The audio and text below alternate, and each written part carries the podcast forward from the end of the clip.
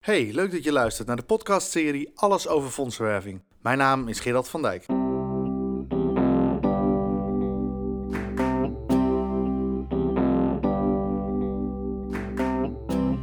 Je luistert naar een podcast van Krantio Fondsenwerving.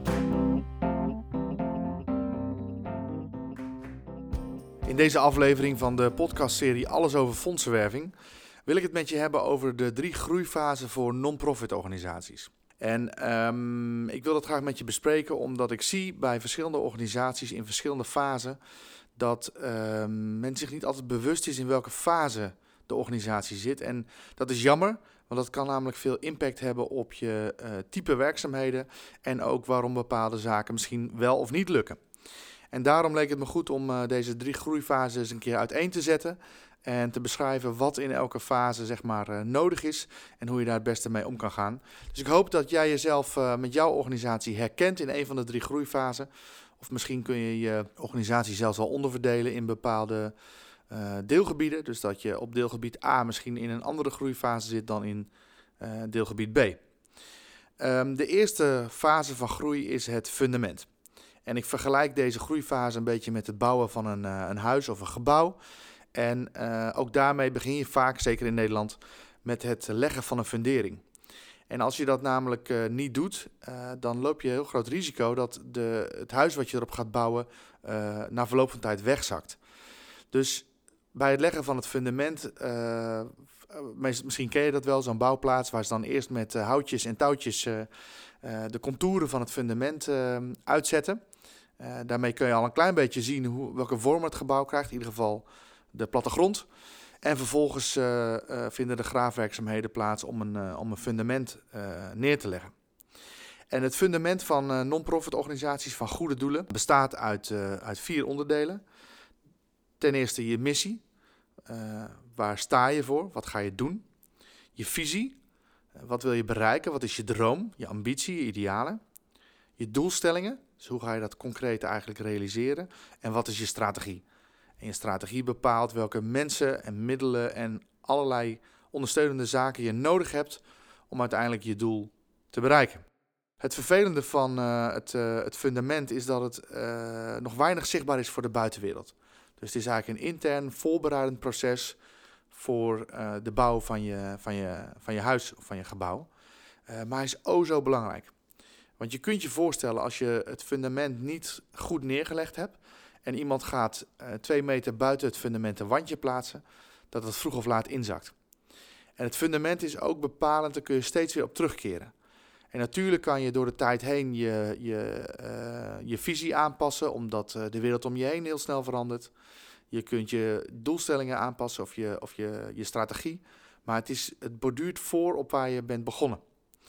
Um, dus het is heel belangrijk om dit proces zorgvuldig te doorlopen. Dus ben je een, een jonge of een beginnende organisatie, neem dan echt de tijd om met verschillende betrokkenen te praten over wie zijn we, wat willen we bereiken, waar staan we voor, wat gaan we niet doen.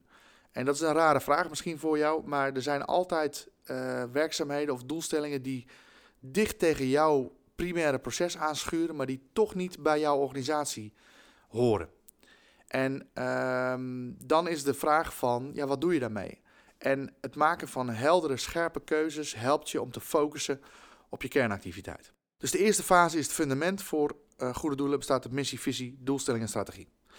De tweede fase, dan komt de hoogbouw, zeg maar de muren van je organisatie. En dan ga je al het volume van, je, van het object zien, van het huis of van het, van het pand. En uh, bij de hoogbouw kun je denken aan uh, je fondsenwerving, de, het project of de projecten die je gaat uitvoeren en de facilitaire diensten. Dus je, je organisatie gaat vorm krijgen en je gaat uh, investeren in je fondsenwerving. Dat bestaat uit communicatie, marketing, acquisitie en relatiebeheer.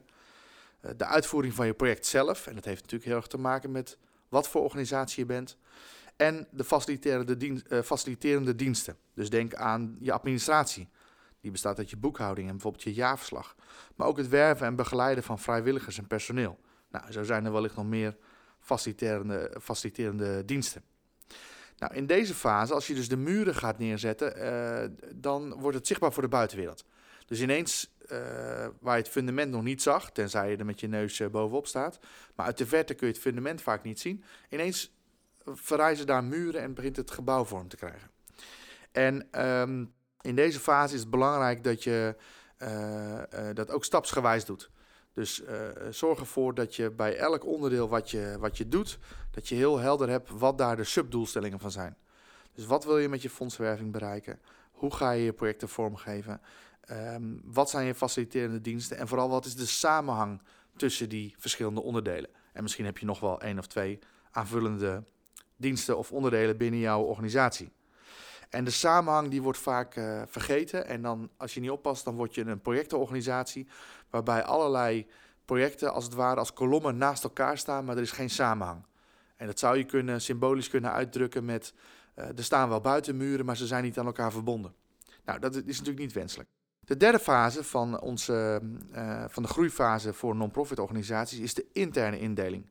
En je zou dat kunnen vergelijken even met de binnenwandjes binnen je gebouw. Dus je hebt het fundament gelegd, daarna zijn de muren gekomen. En de, de derde fase, dan bepaal je, dan ga je eigenlijk ruimte scheiden van elkaar. En uh, voor organisaties betekent dat dat je een scheiding gaat krijgen in rol- en taakverdeling. Dat je gaat werken aan optimalisatie en fine-tuning. En dat je misschien wel bepaalde werkzaamheden gaat uitbesteden of delegeren. Dit is vaak een hele lastige fase voor organisaties. Als je nog klein bent en er staan bijvoorbeeld, uh, je werkt met twee of drie mensen of vier en die bureautjes staan tegen elkaar, letterlijk, dan uh, terwijl jij aan het werk bent, vang je toch onbewust het telefoontje op van je buurman. En je hoort dat hij met een sponsor spreekt, of met een, met een geldschieter, of met een projectmedewerker, of met wie dan ook. Dus onbewust maak je heel veel mee. En als het, als het uh, reden is tot vragen, dan, dan zeg je na een telefoongesprek: joh, hey, hoe ging dat? En wat is er nodig? En wat kan ik doen? En hoe zullen we het aanpakken? En kortom, je zit met z'n allen bovenop de kern van je werkzaamheden en activiteiten. En je hoort bijna alles. En ben je er een dagje niet, dan hoor je het morgen wel. Op het moment dat je je uh, ruimte gaat indelen en er komen tussenwandjes, dan kan het best zijn dat de mensen die zich met fondsenwerving bezighouden, misschien zijn dat er dan twee of drie, dat die fysiek in een andere ruimte van je gebouw zitten. Dus je hoort niet meer alles wat daar speelt. En hetzelfde geldt voor de administratie en voor de mensen die zich bezighouden met de projecten, mensen die zich bezighouden met uh, vrijwilligers en personeel. En uh, dat is wenselijk als je organisatie groeit. Even om in het voorbeeld te blijven. Op een gegeven moment kom je erachter dat het misschien niet zo prettig is om de toilet en de keuken in dezelfde ruimte te hebben. Dus je gaat tussenwandjes plaatsen en de hal wil je misschien apart en de slaapkamer apart. En zo ga je dat binnen je organisatie ook doen. Dus je gaat uh, teams formeren met uh, specifieke verantwoordelijkheden, specifieke taken. En de uitdaging die ik vaak zie bij, bij organisaties die in deze fase, in de derde fase terecht zijn gekomen, is dat ze het heel spannend vinden dat ze niet meer weten wat de administratie doet, wat de afdeling projecten doet, wat de personeelsmanagement, nou, noem maar op doet. En het is belangrijk om dat goed te regisseren. Dus ontwikkel voor jouw organisatie een passende overlegstructuur waarbij je niet alles met iedereen gaat bespreken, want dan kom je niet meer aan je werk toe. Maar waarbij je gaat definiëren van wat moeten wij nou wanneer weten en zoek daarbij een passende overlegstructuur. En natuurlijk kan je informeel altijd even bij elkaar binnenlopen en zeggen: joh, hoe is het met? Dat is prima. Maar uh, vaak schieten mensen in een kramp omdat ze bepaalde dingen niet meer weten. En dat is helemaal niet zo erg, maar regisseer dat heel goed. In deze fase is die regie heel erg belangrijk, omdat als je dat niet doet, dan kunnen er twee dingen ontstaan. Uh, of mensen gaan zelf uh, tussenwandjes plaatsen. en dat gaan ze naar eigen inzicht doen. Of mensen gaan in een hoekje zitten omdat ze het overzicht kwijtraken en niet meer precies weten waar hun taak start en stopt. Waar hun verantwoordelijkheid eigenlijk start en stopt. Dus wees je ervan bewust als je, als je in deze groeifase zit dat regie heel erg belangrijk is.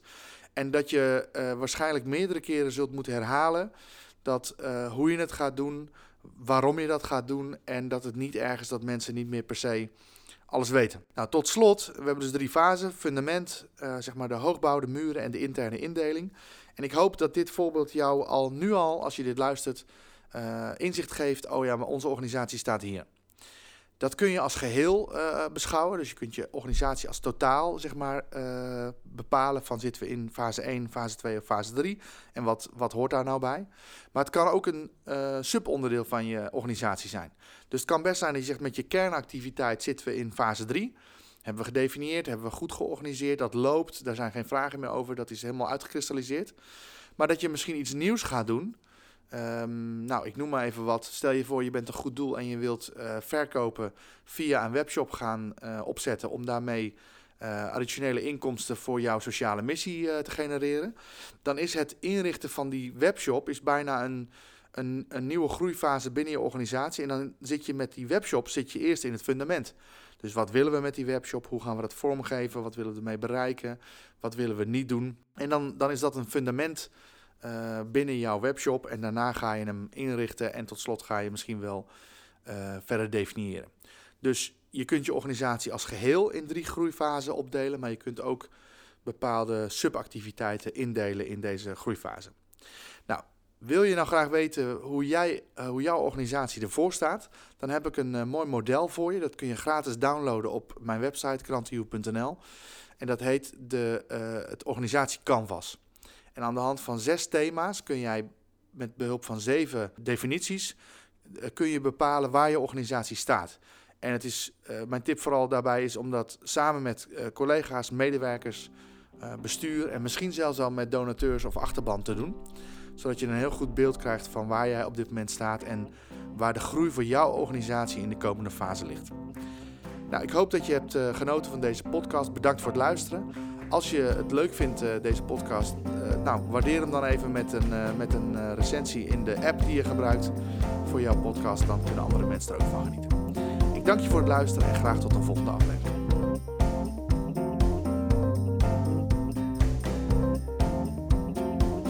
Heb je vragen? Stuur je mail naar podcast.grantioe.nl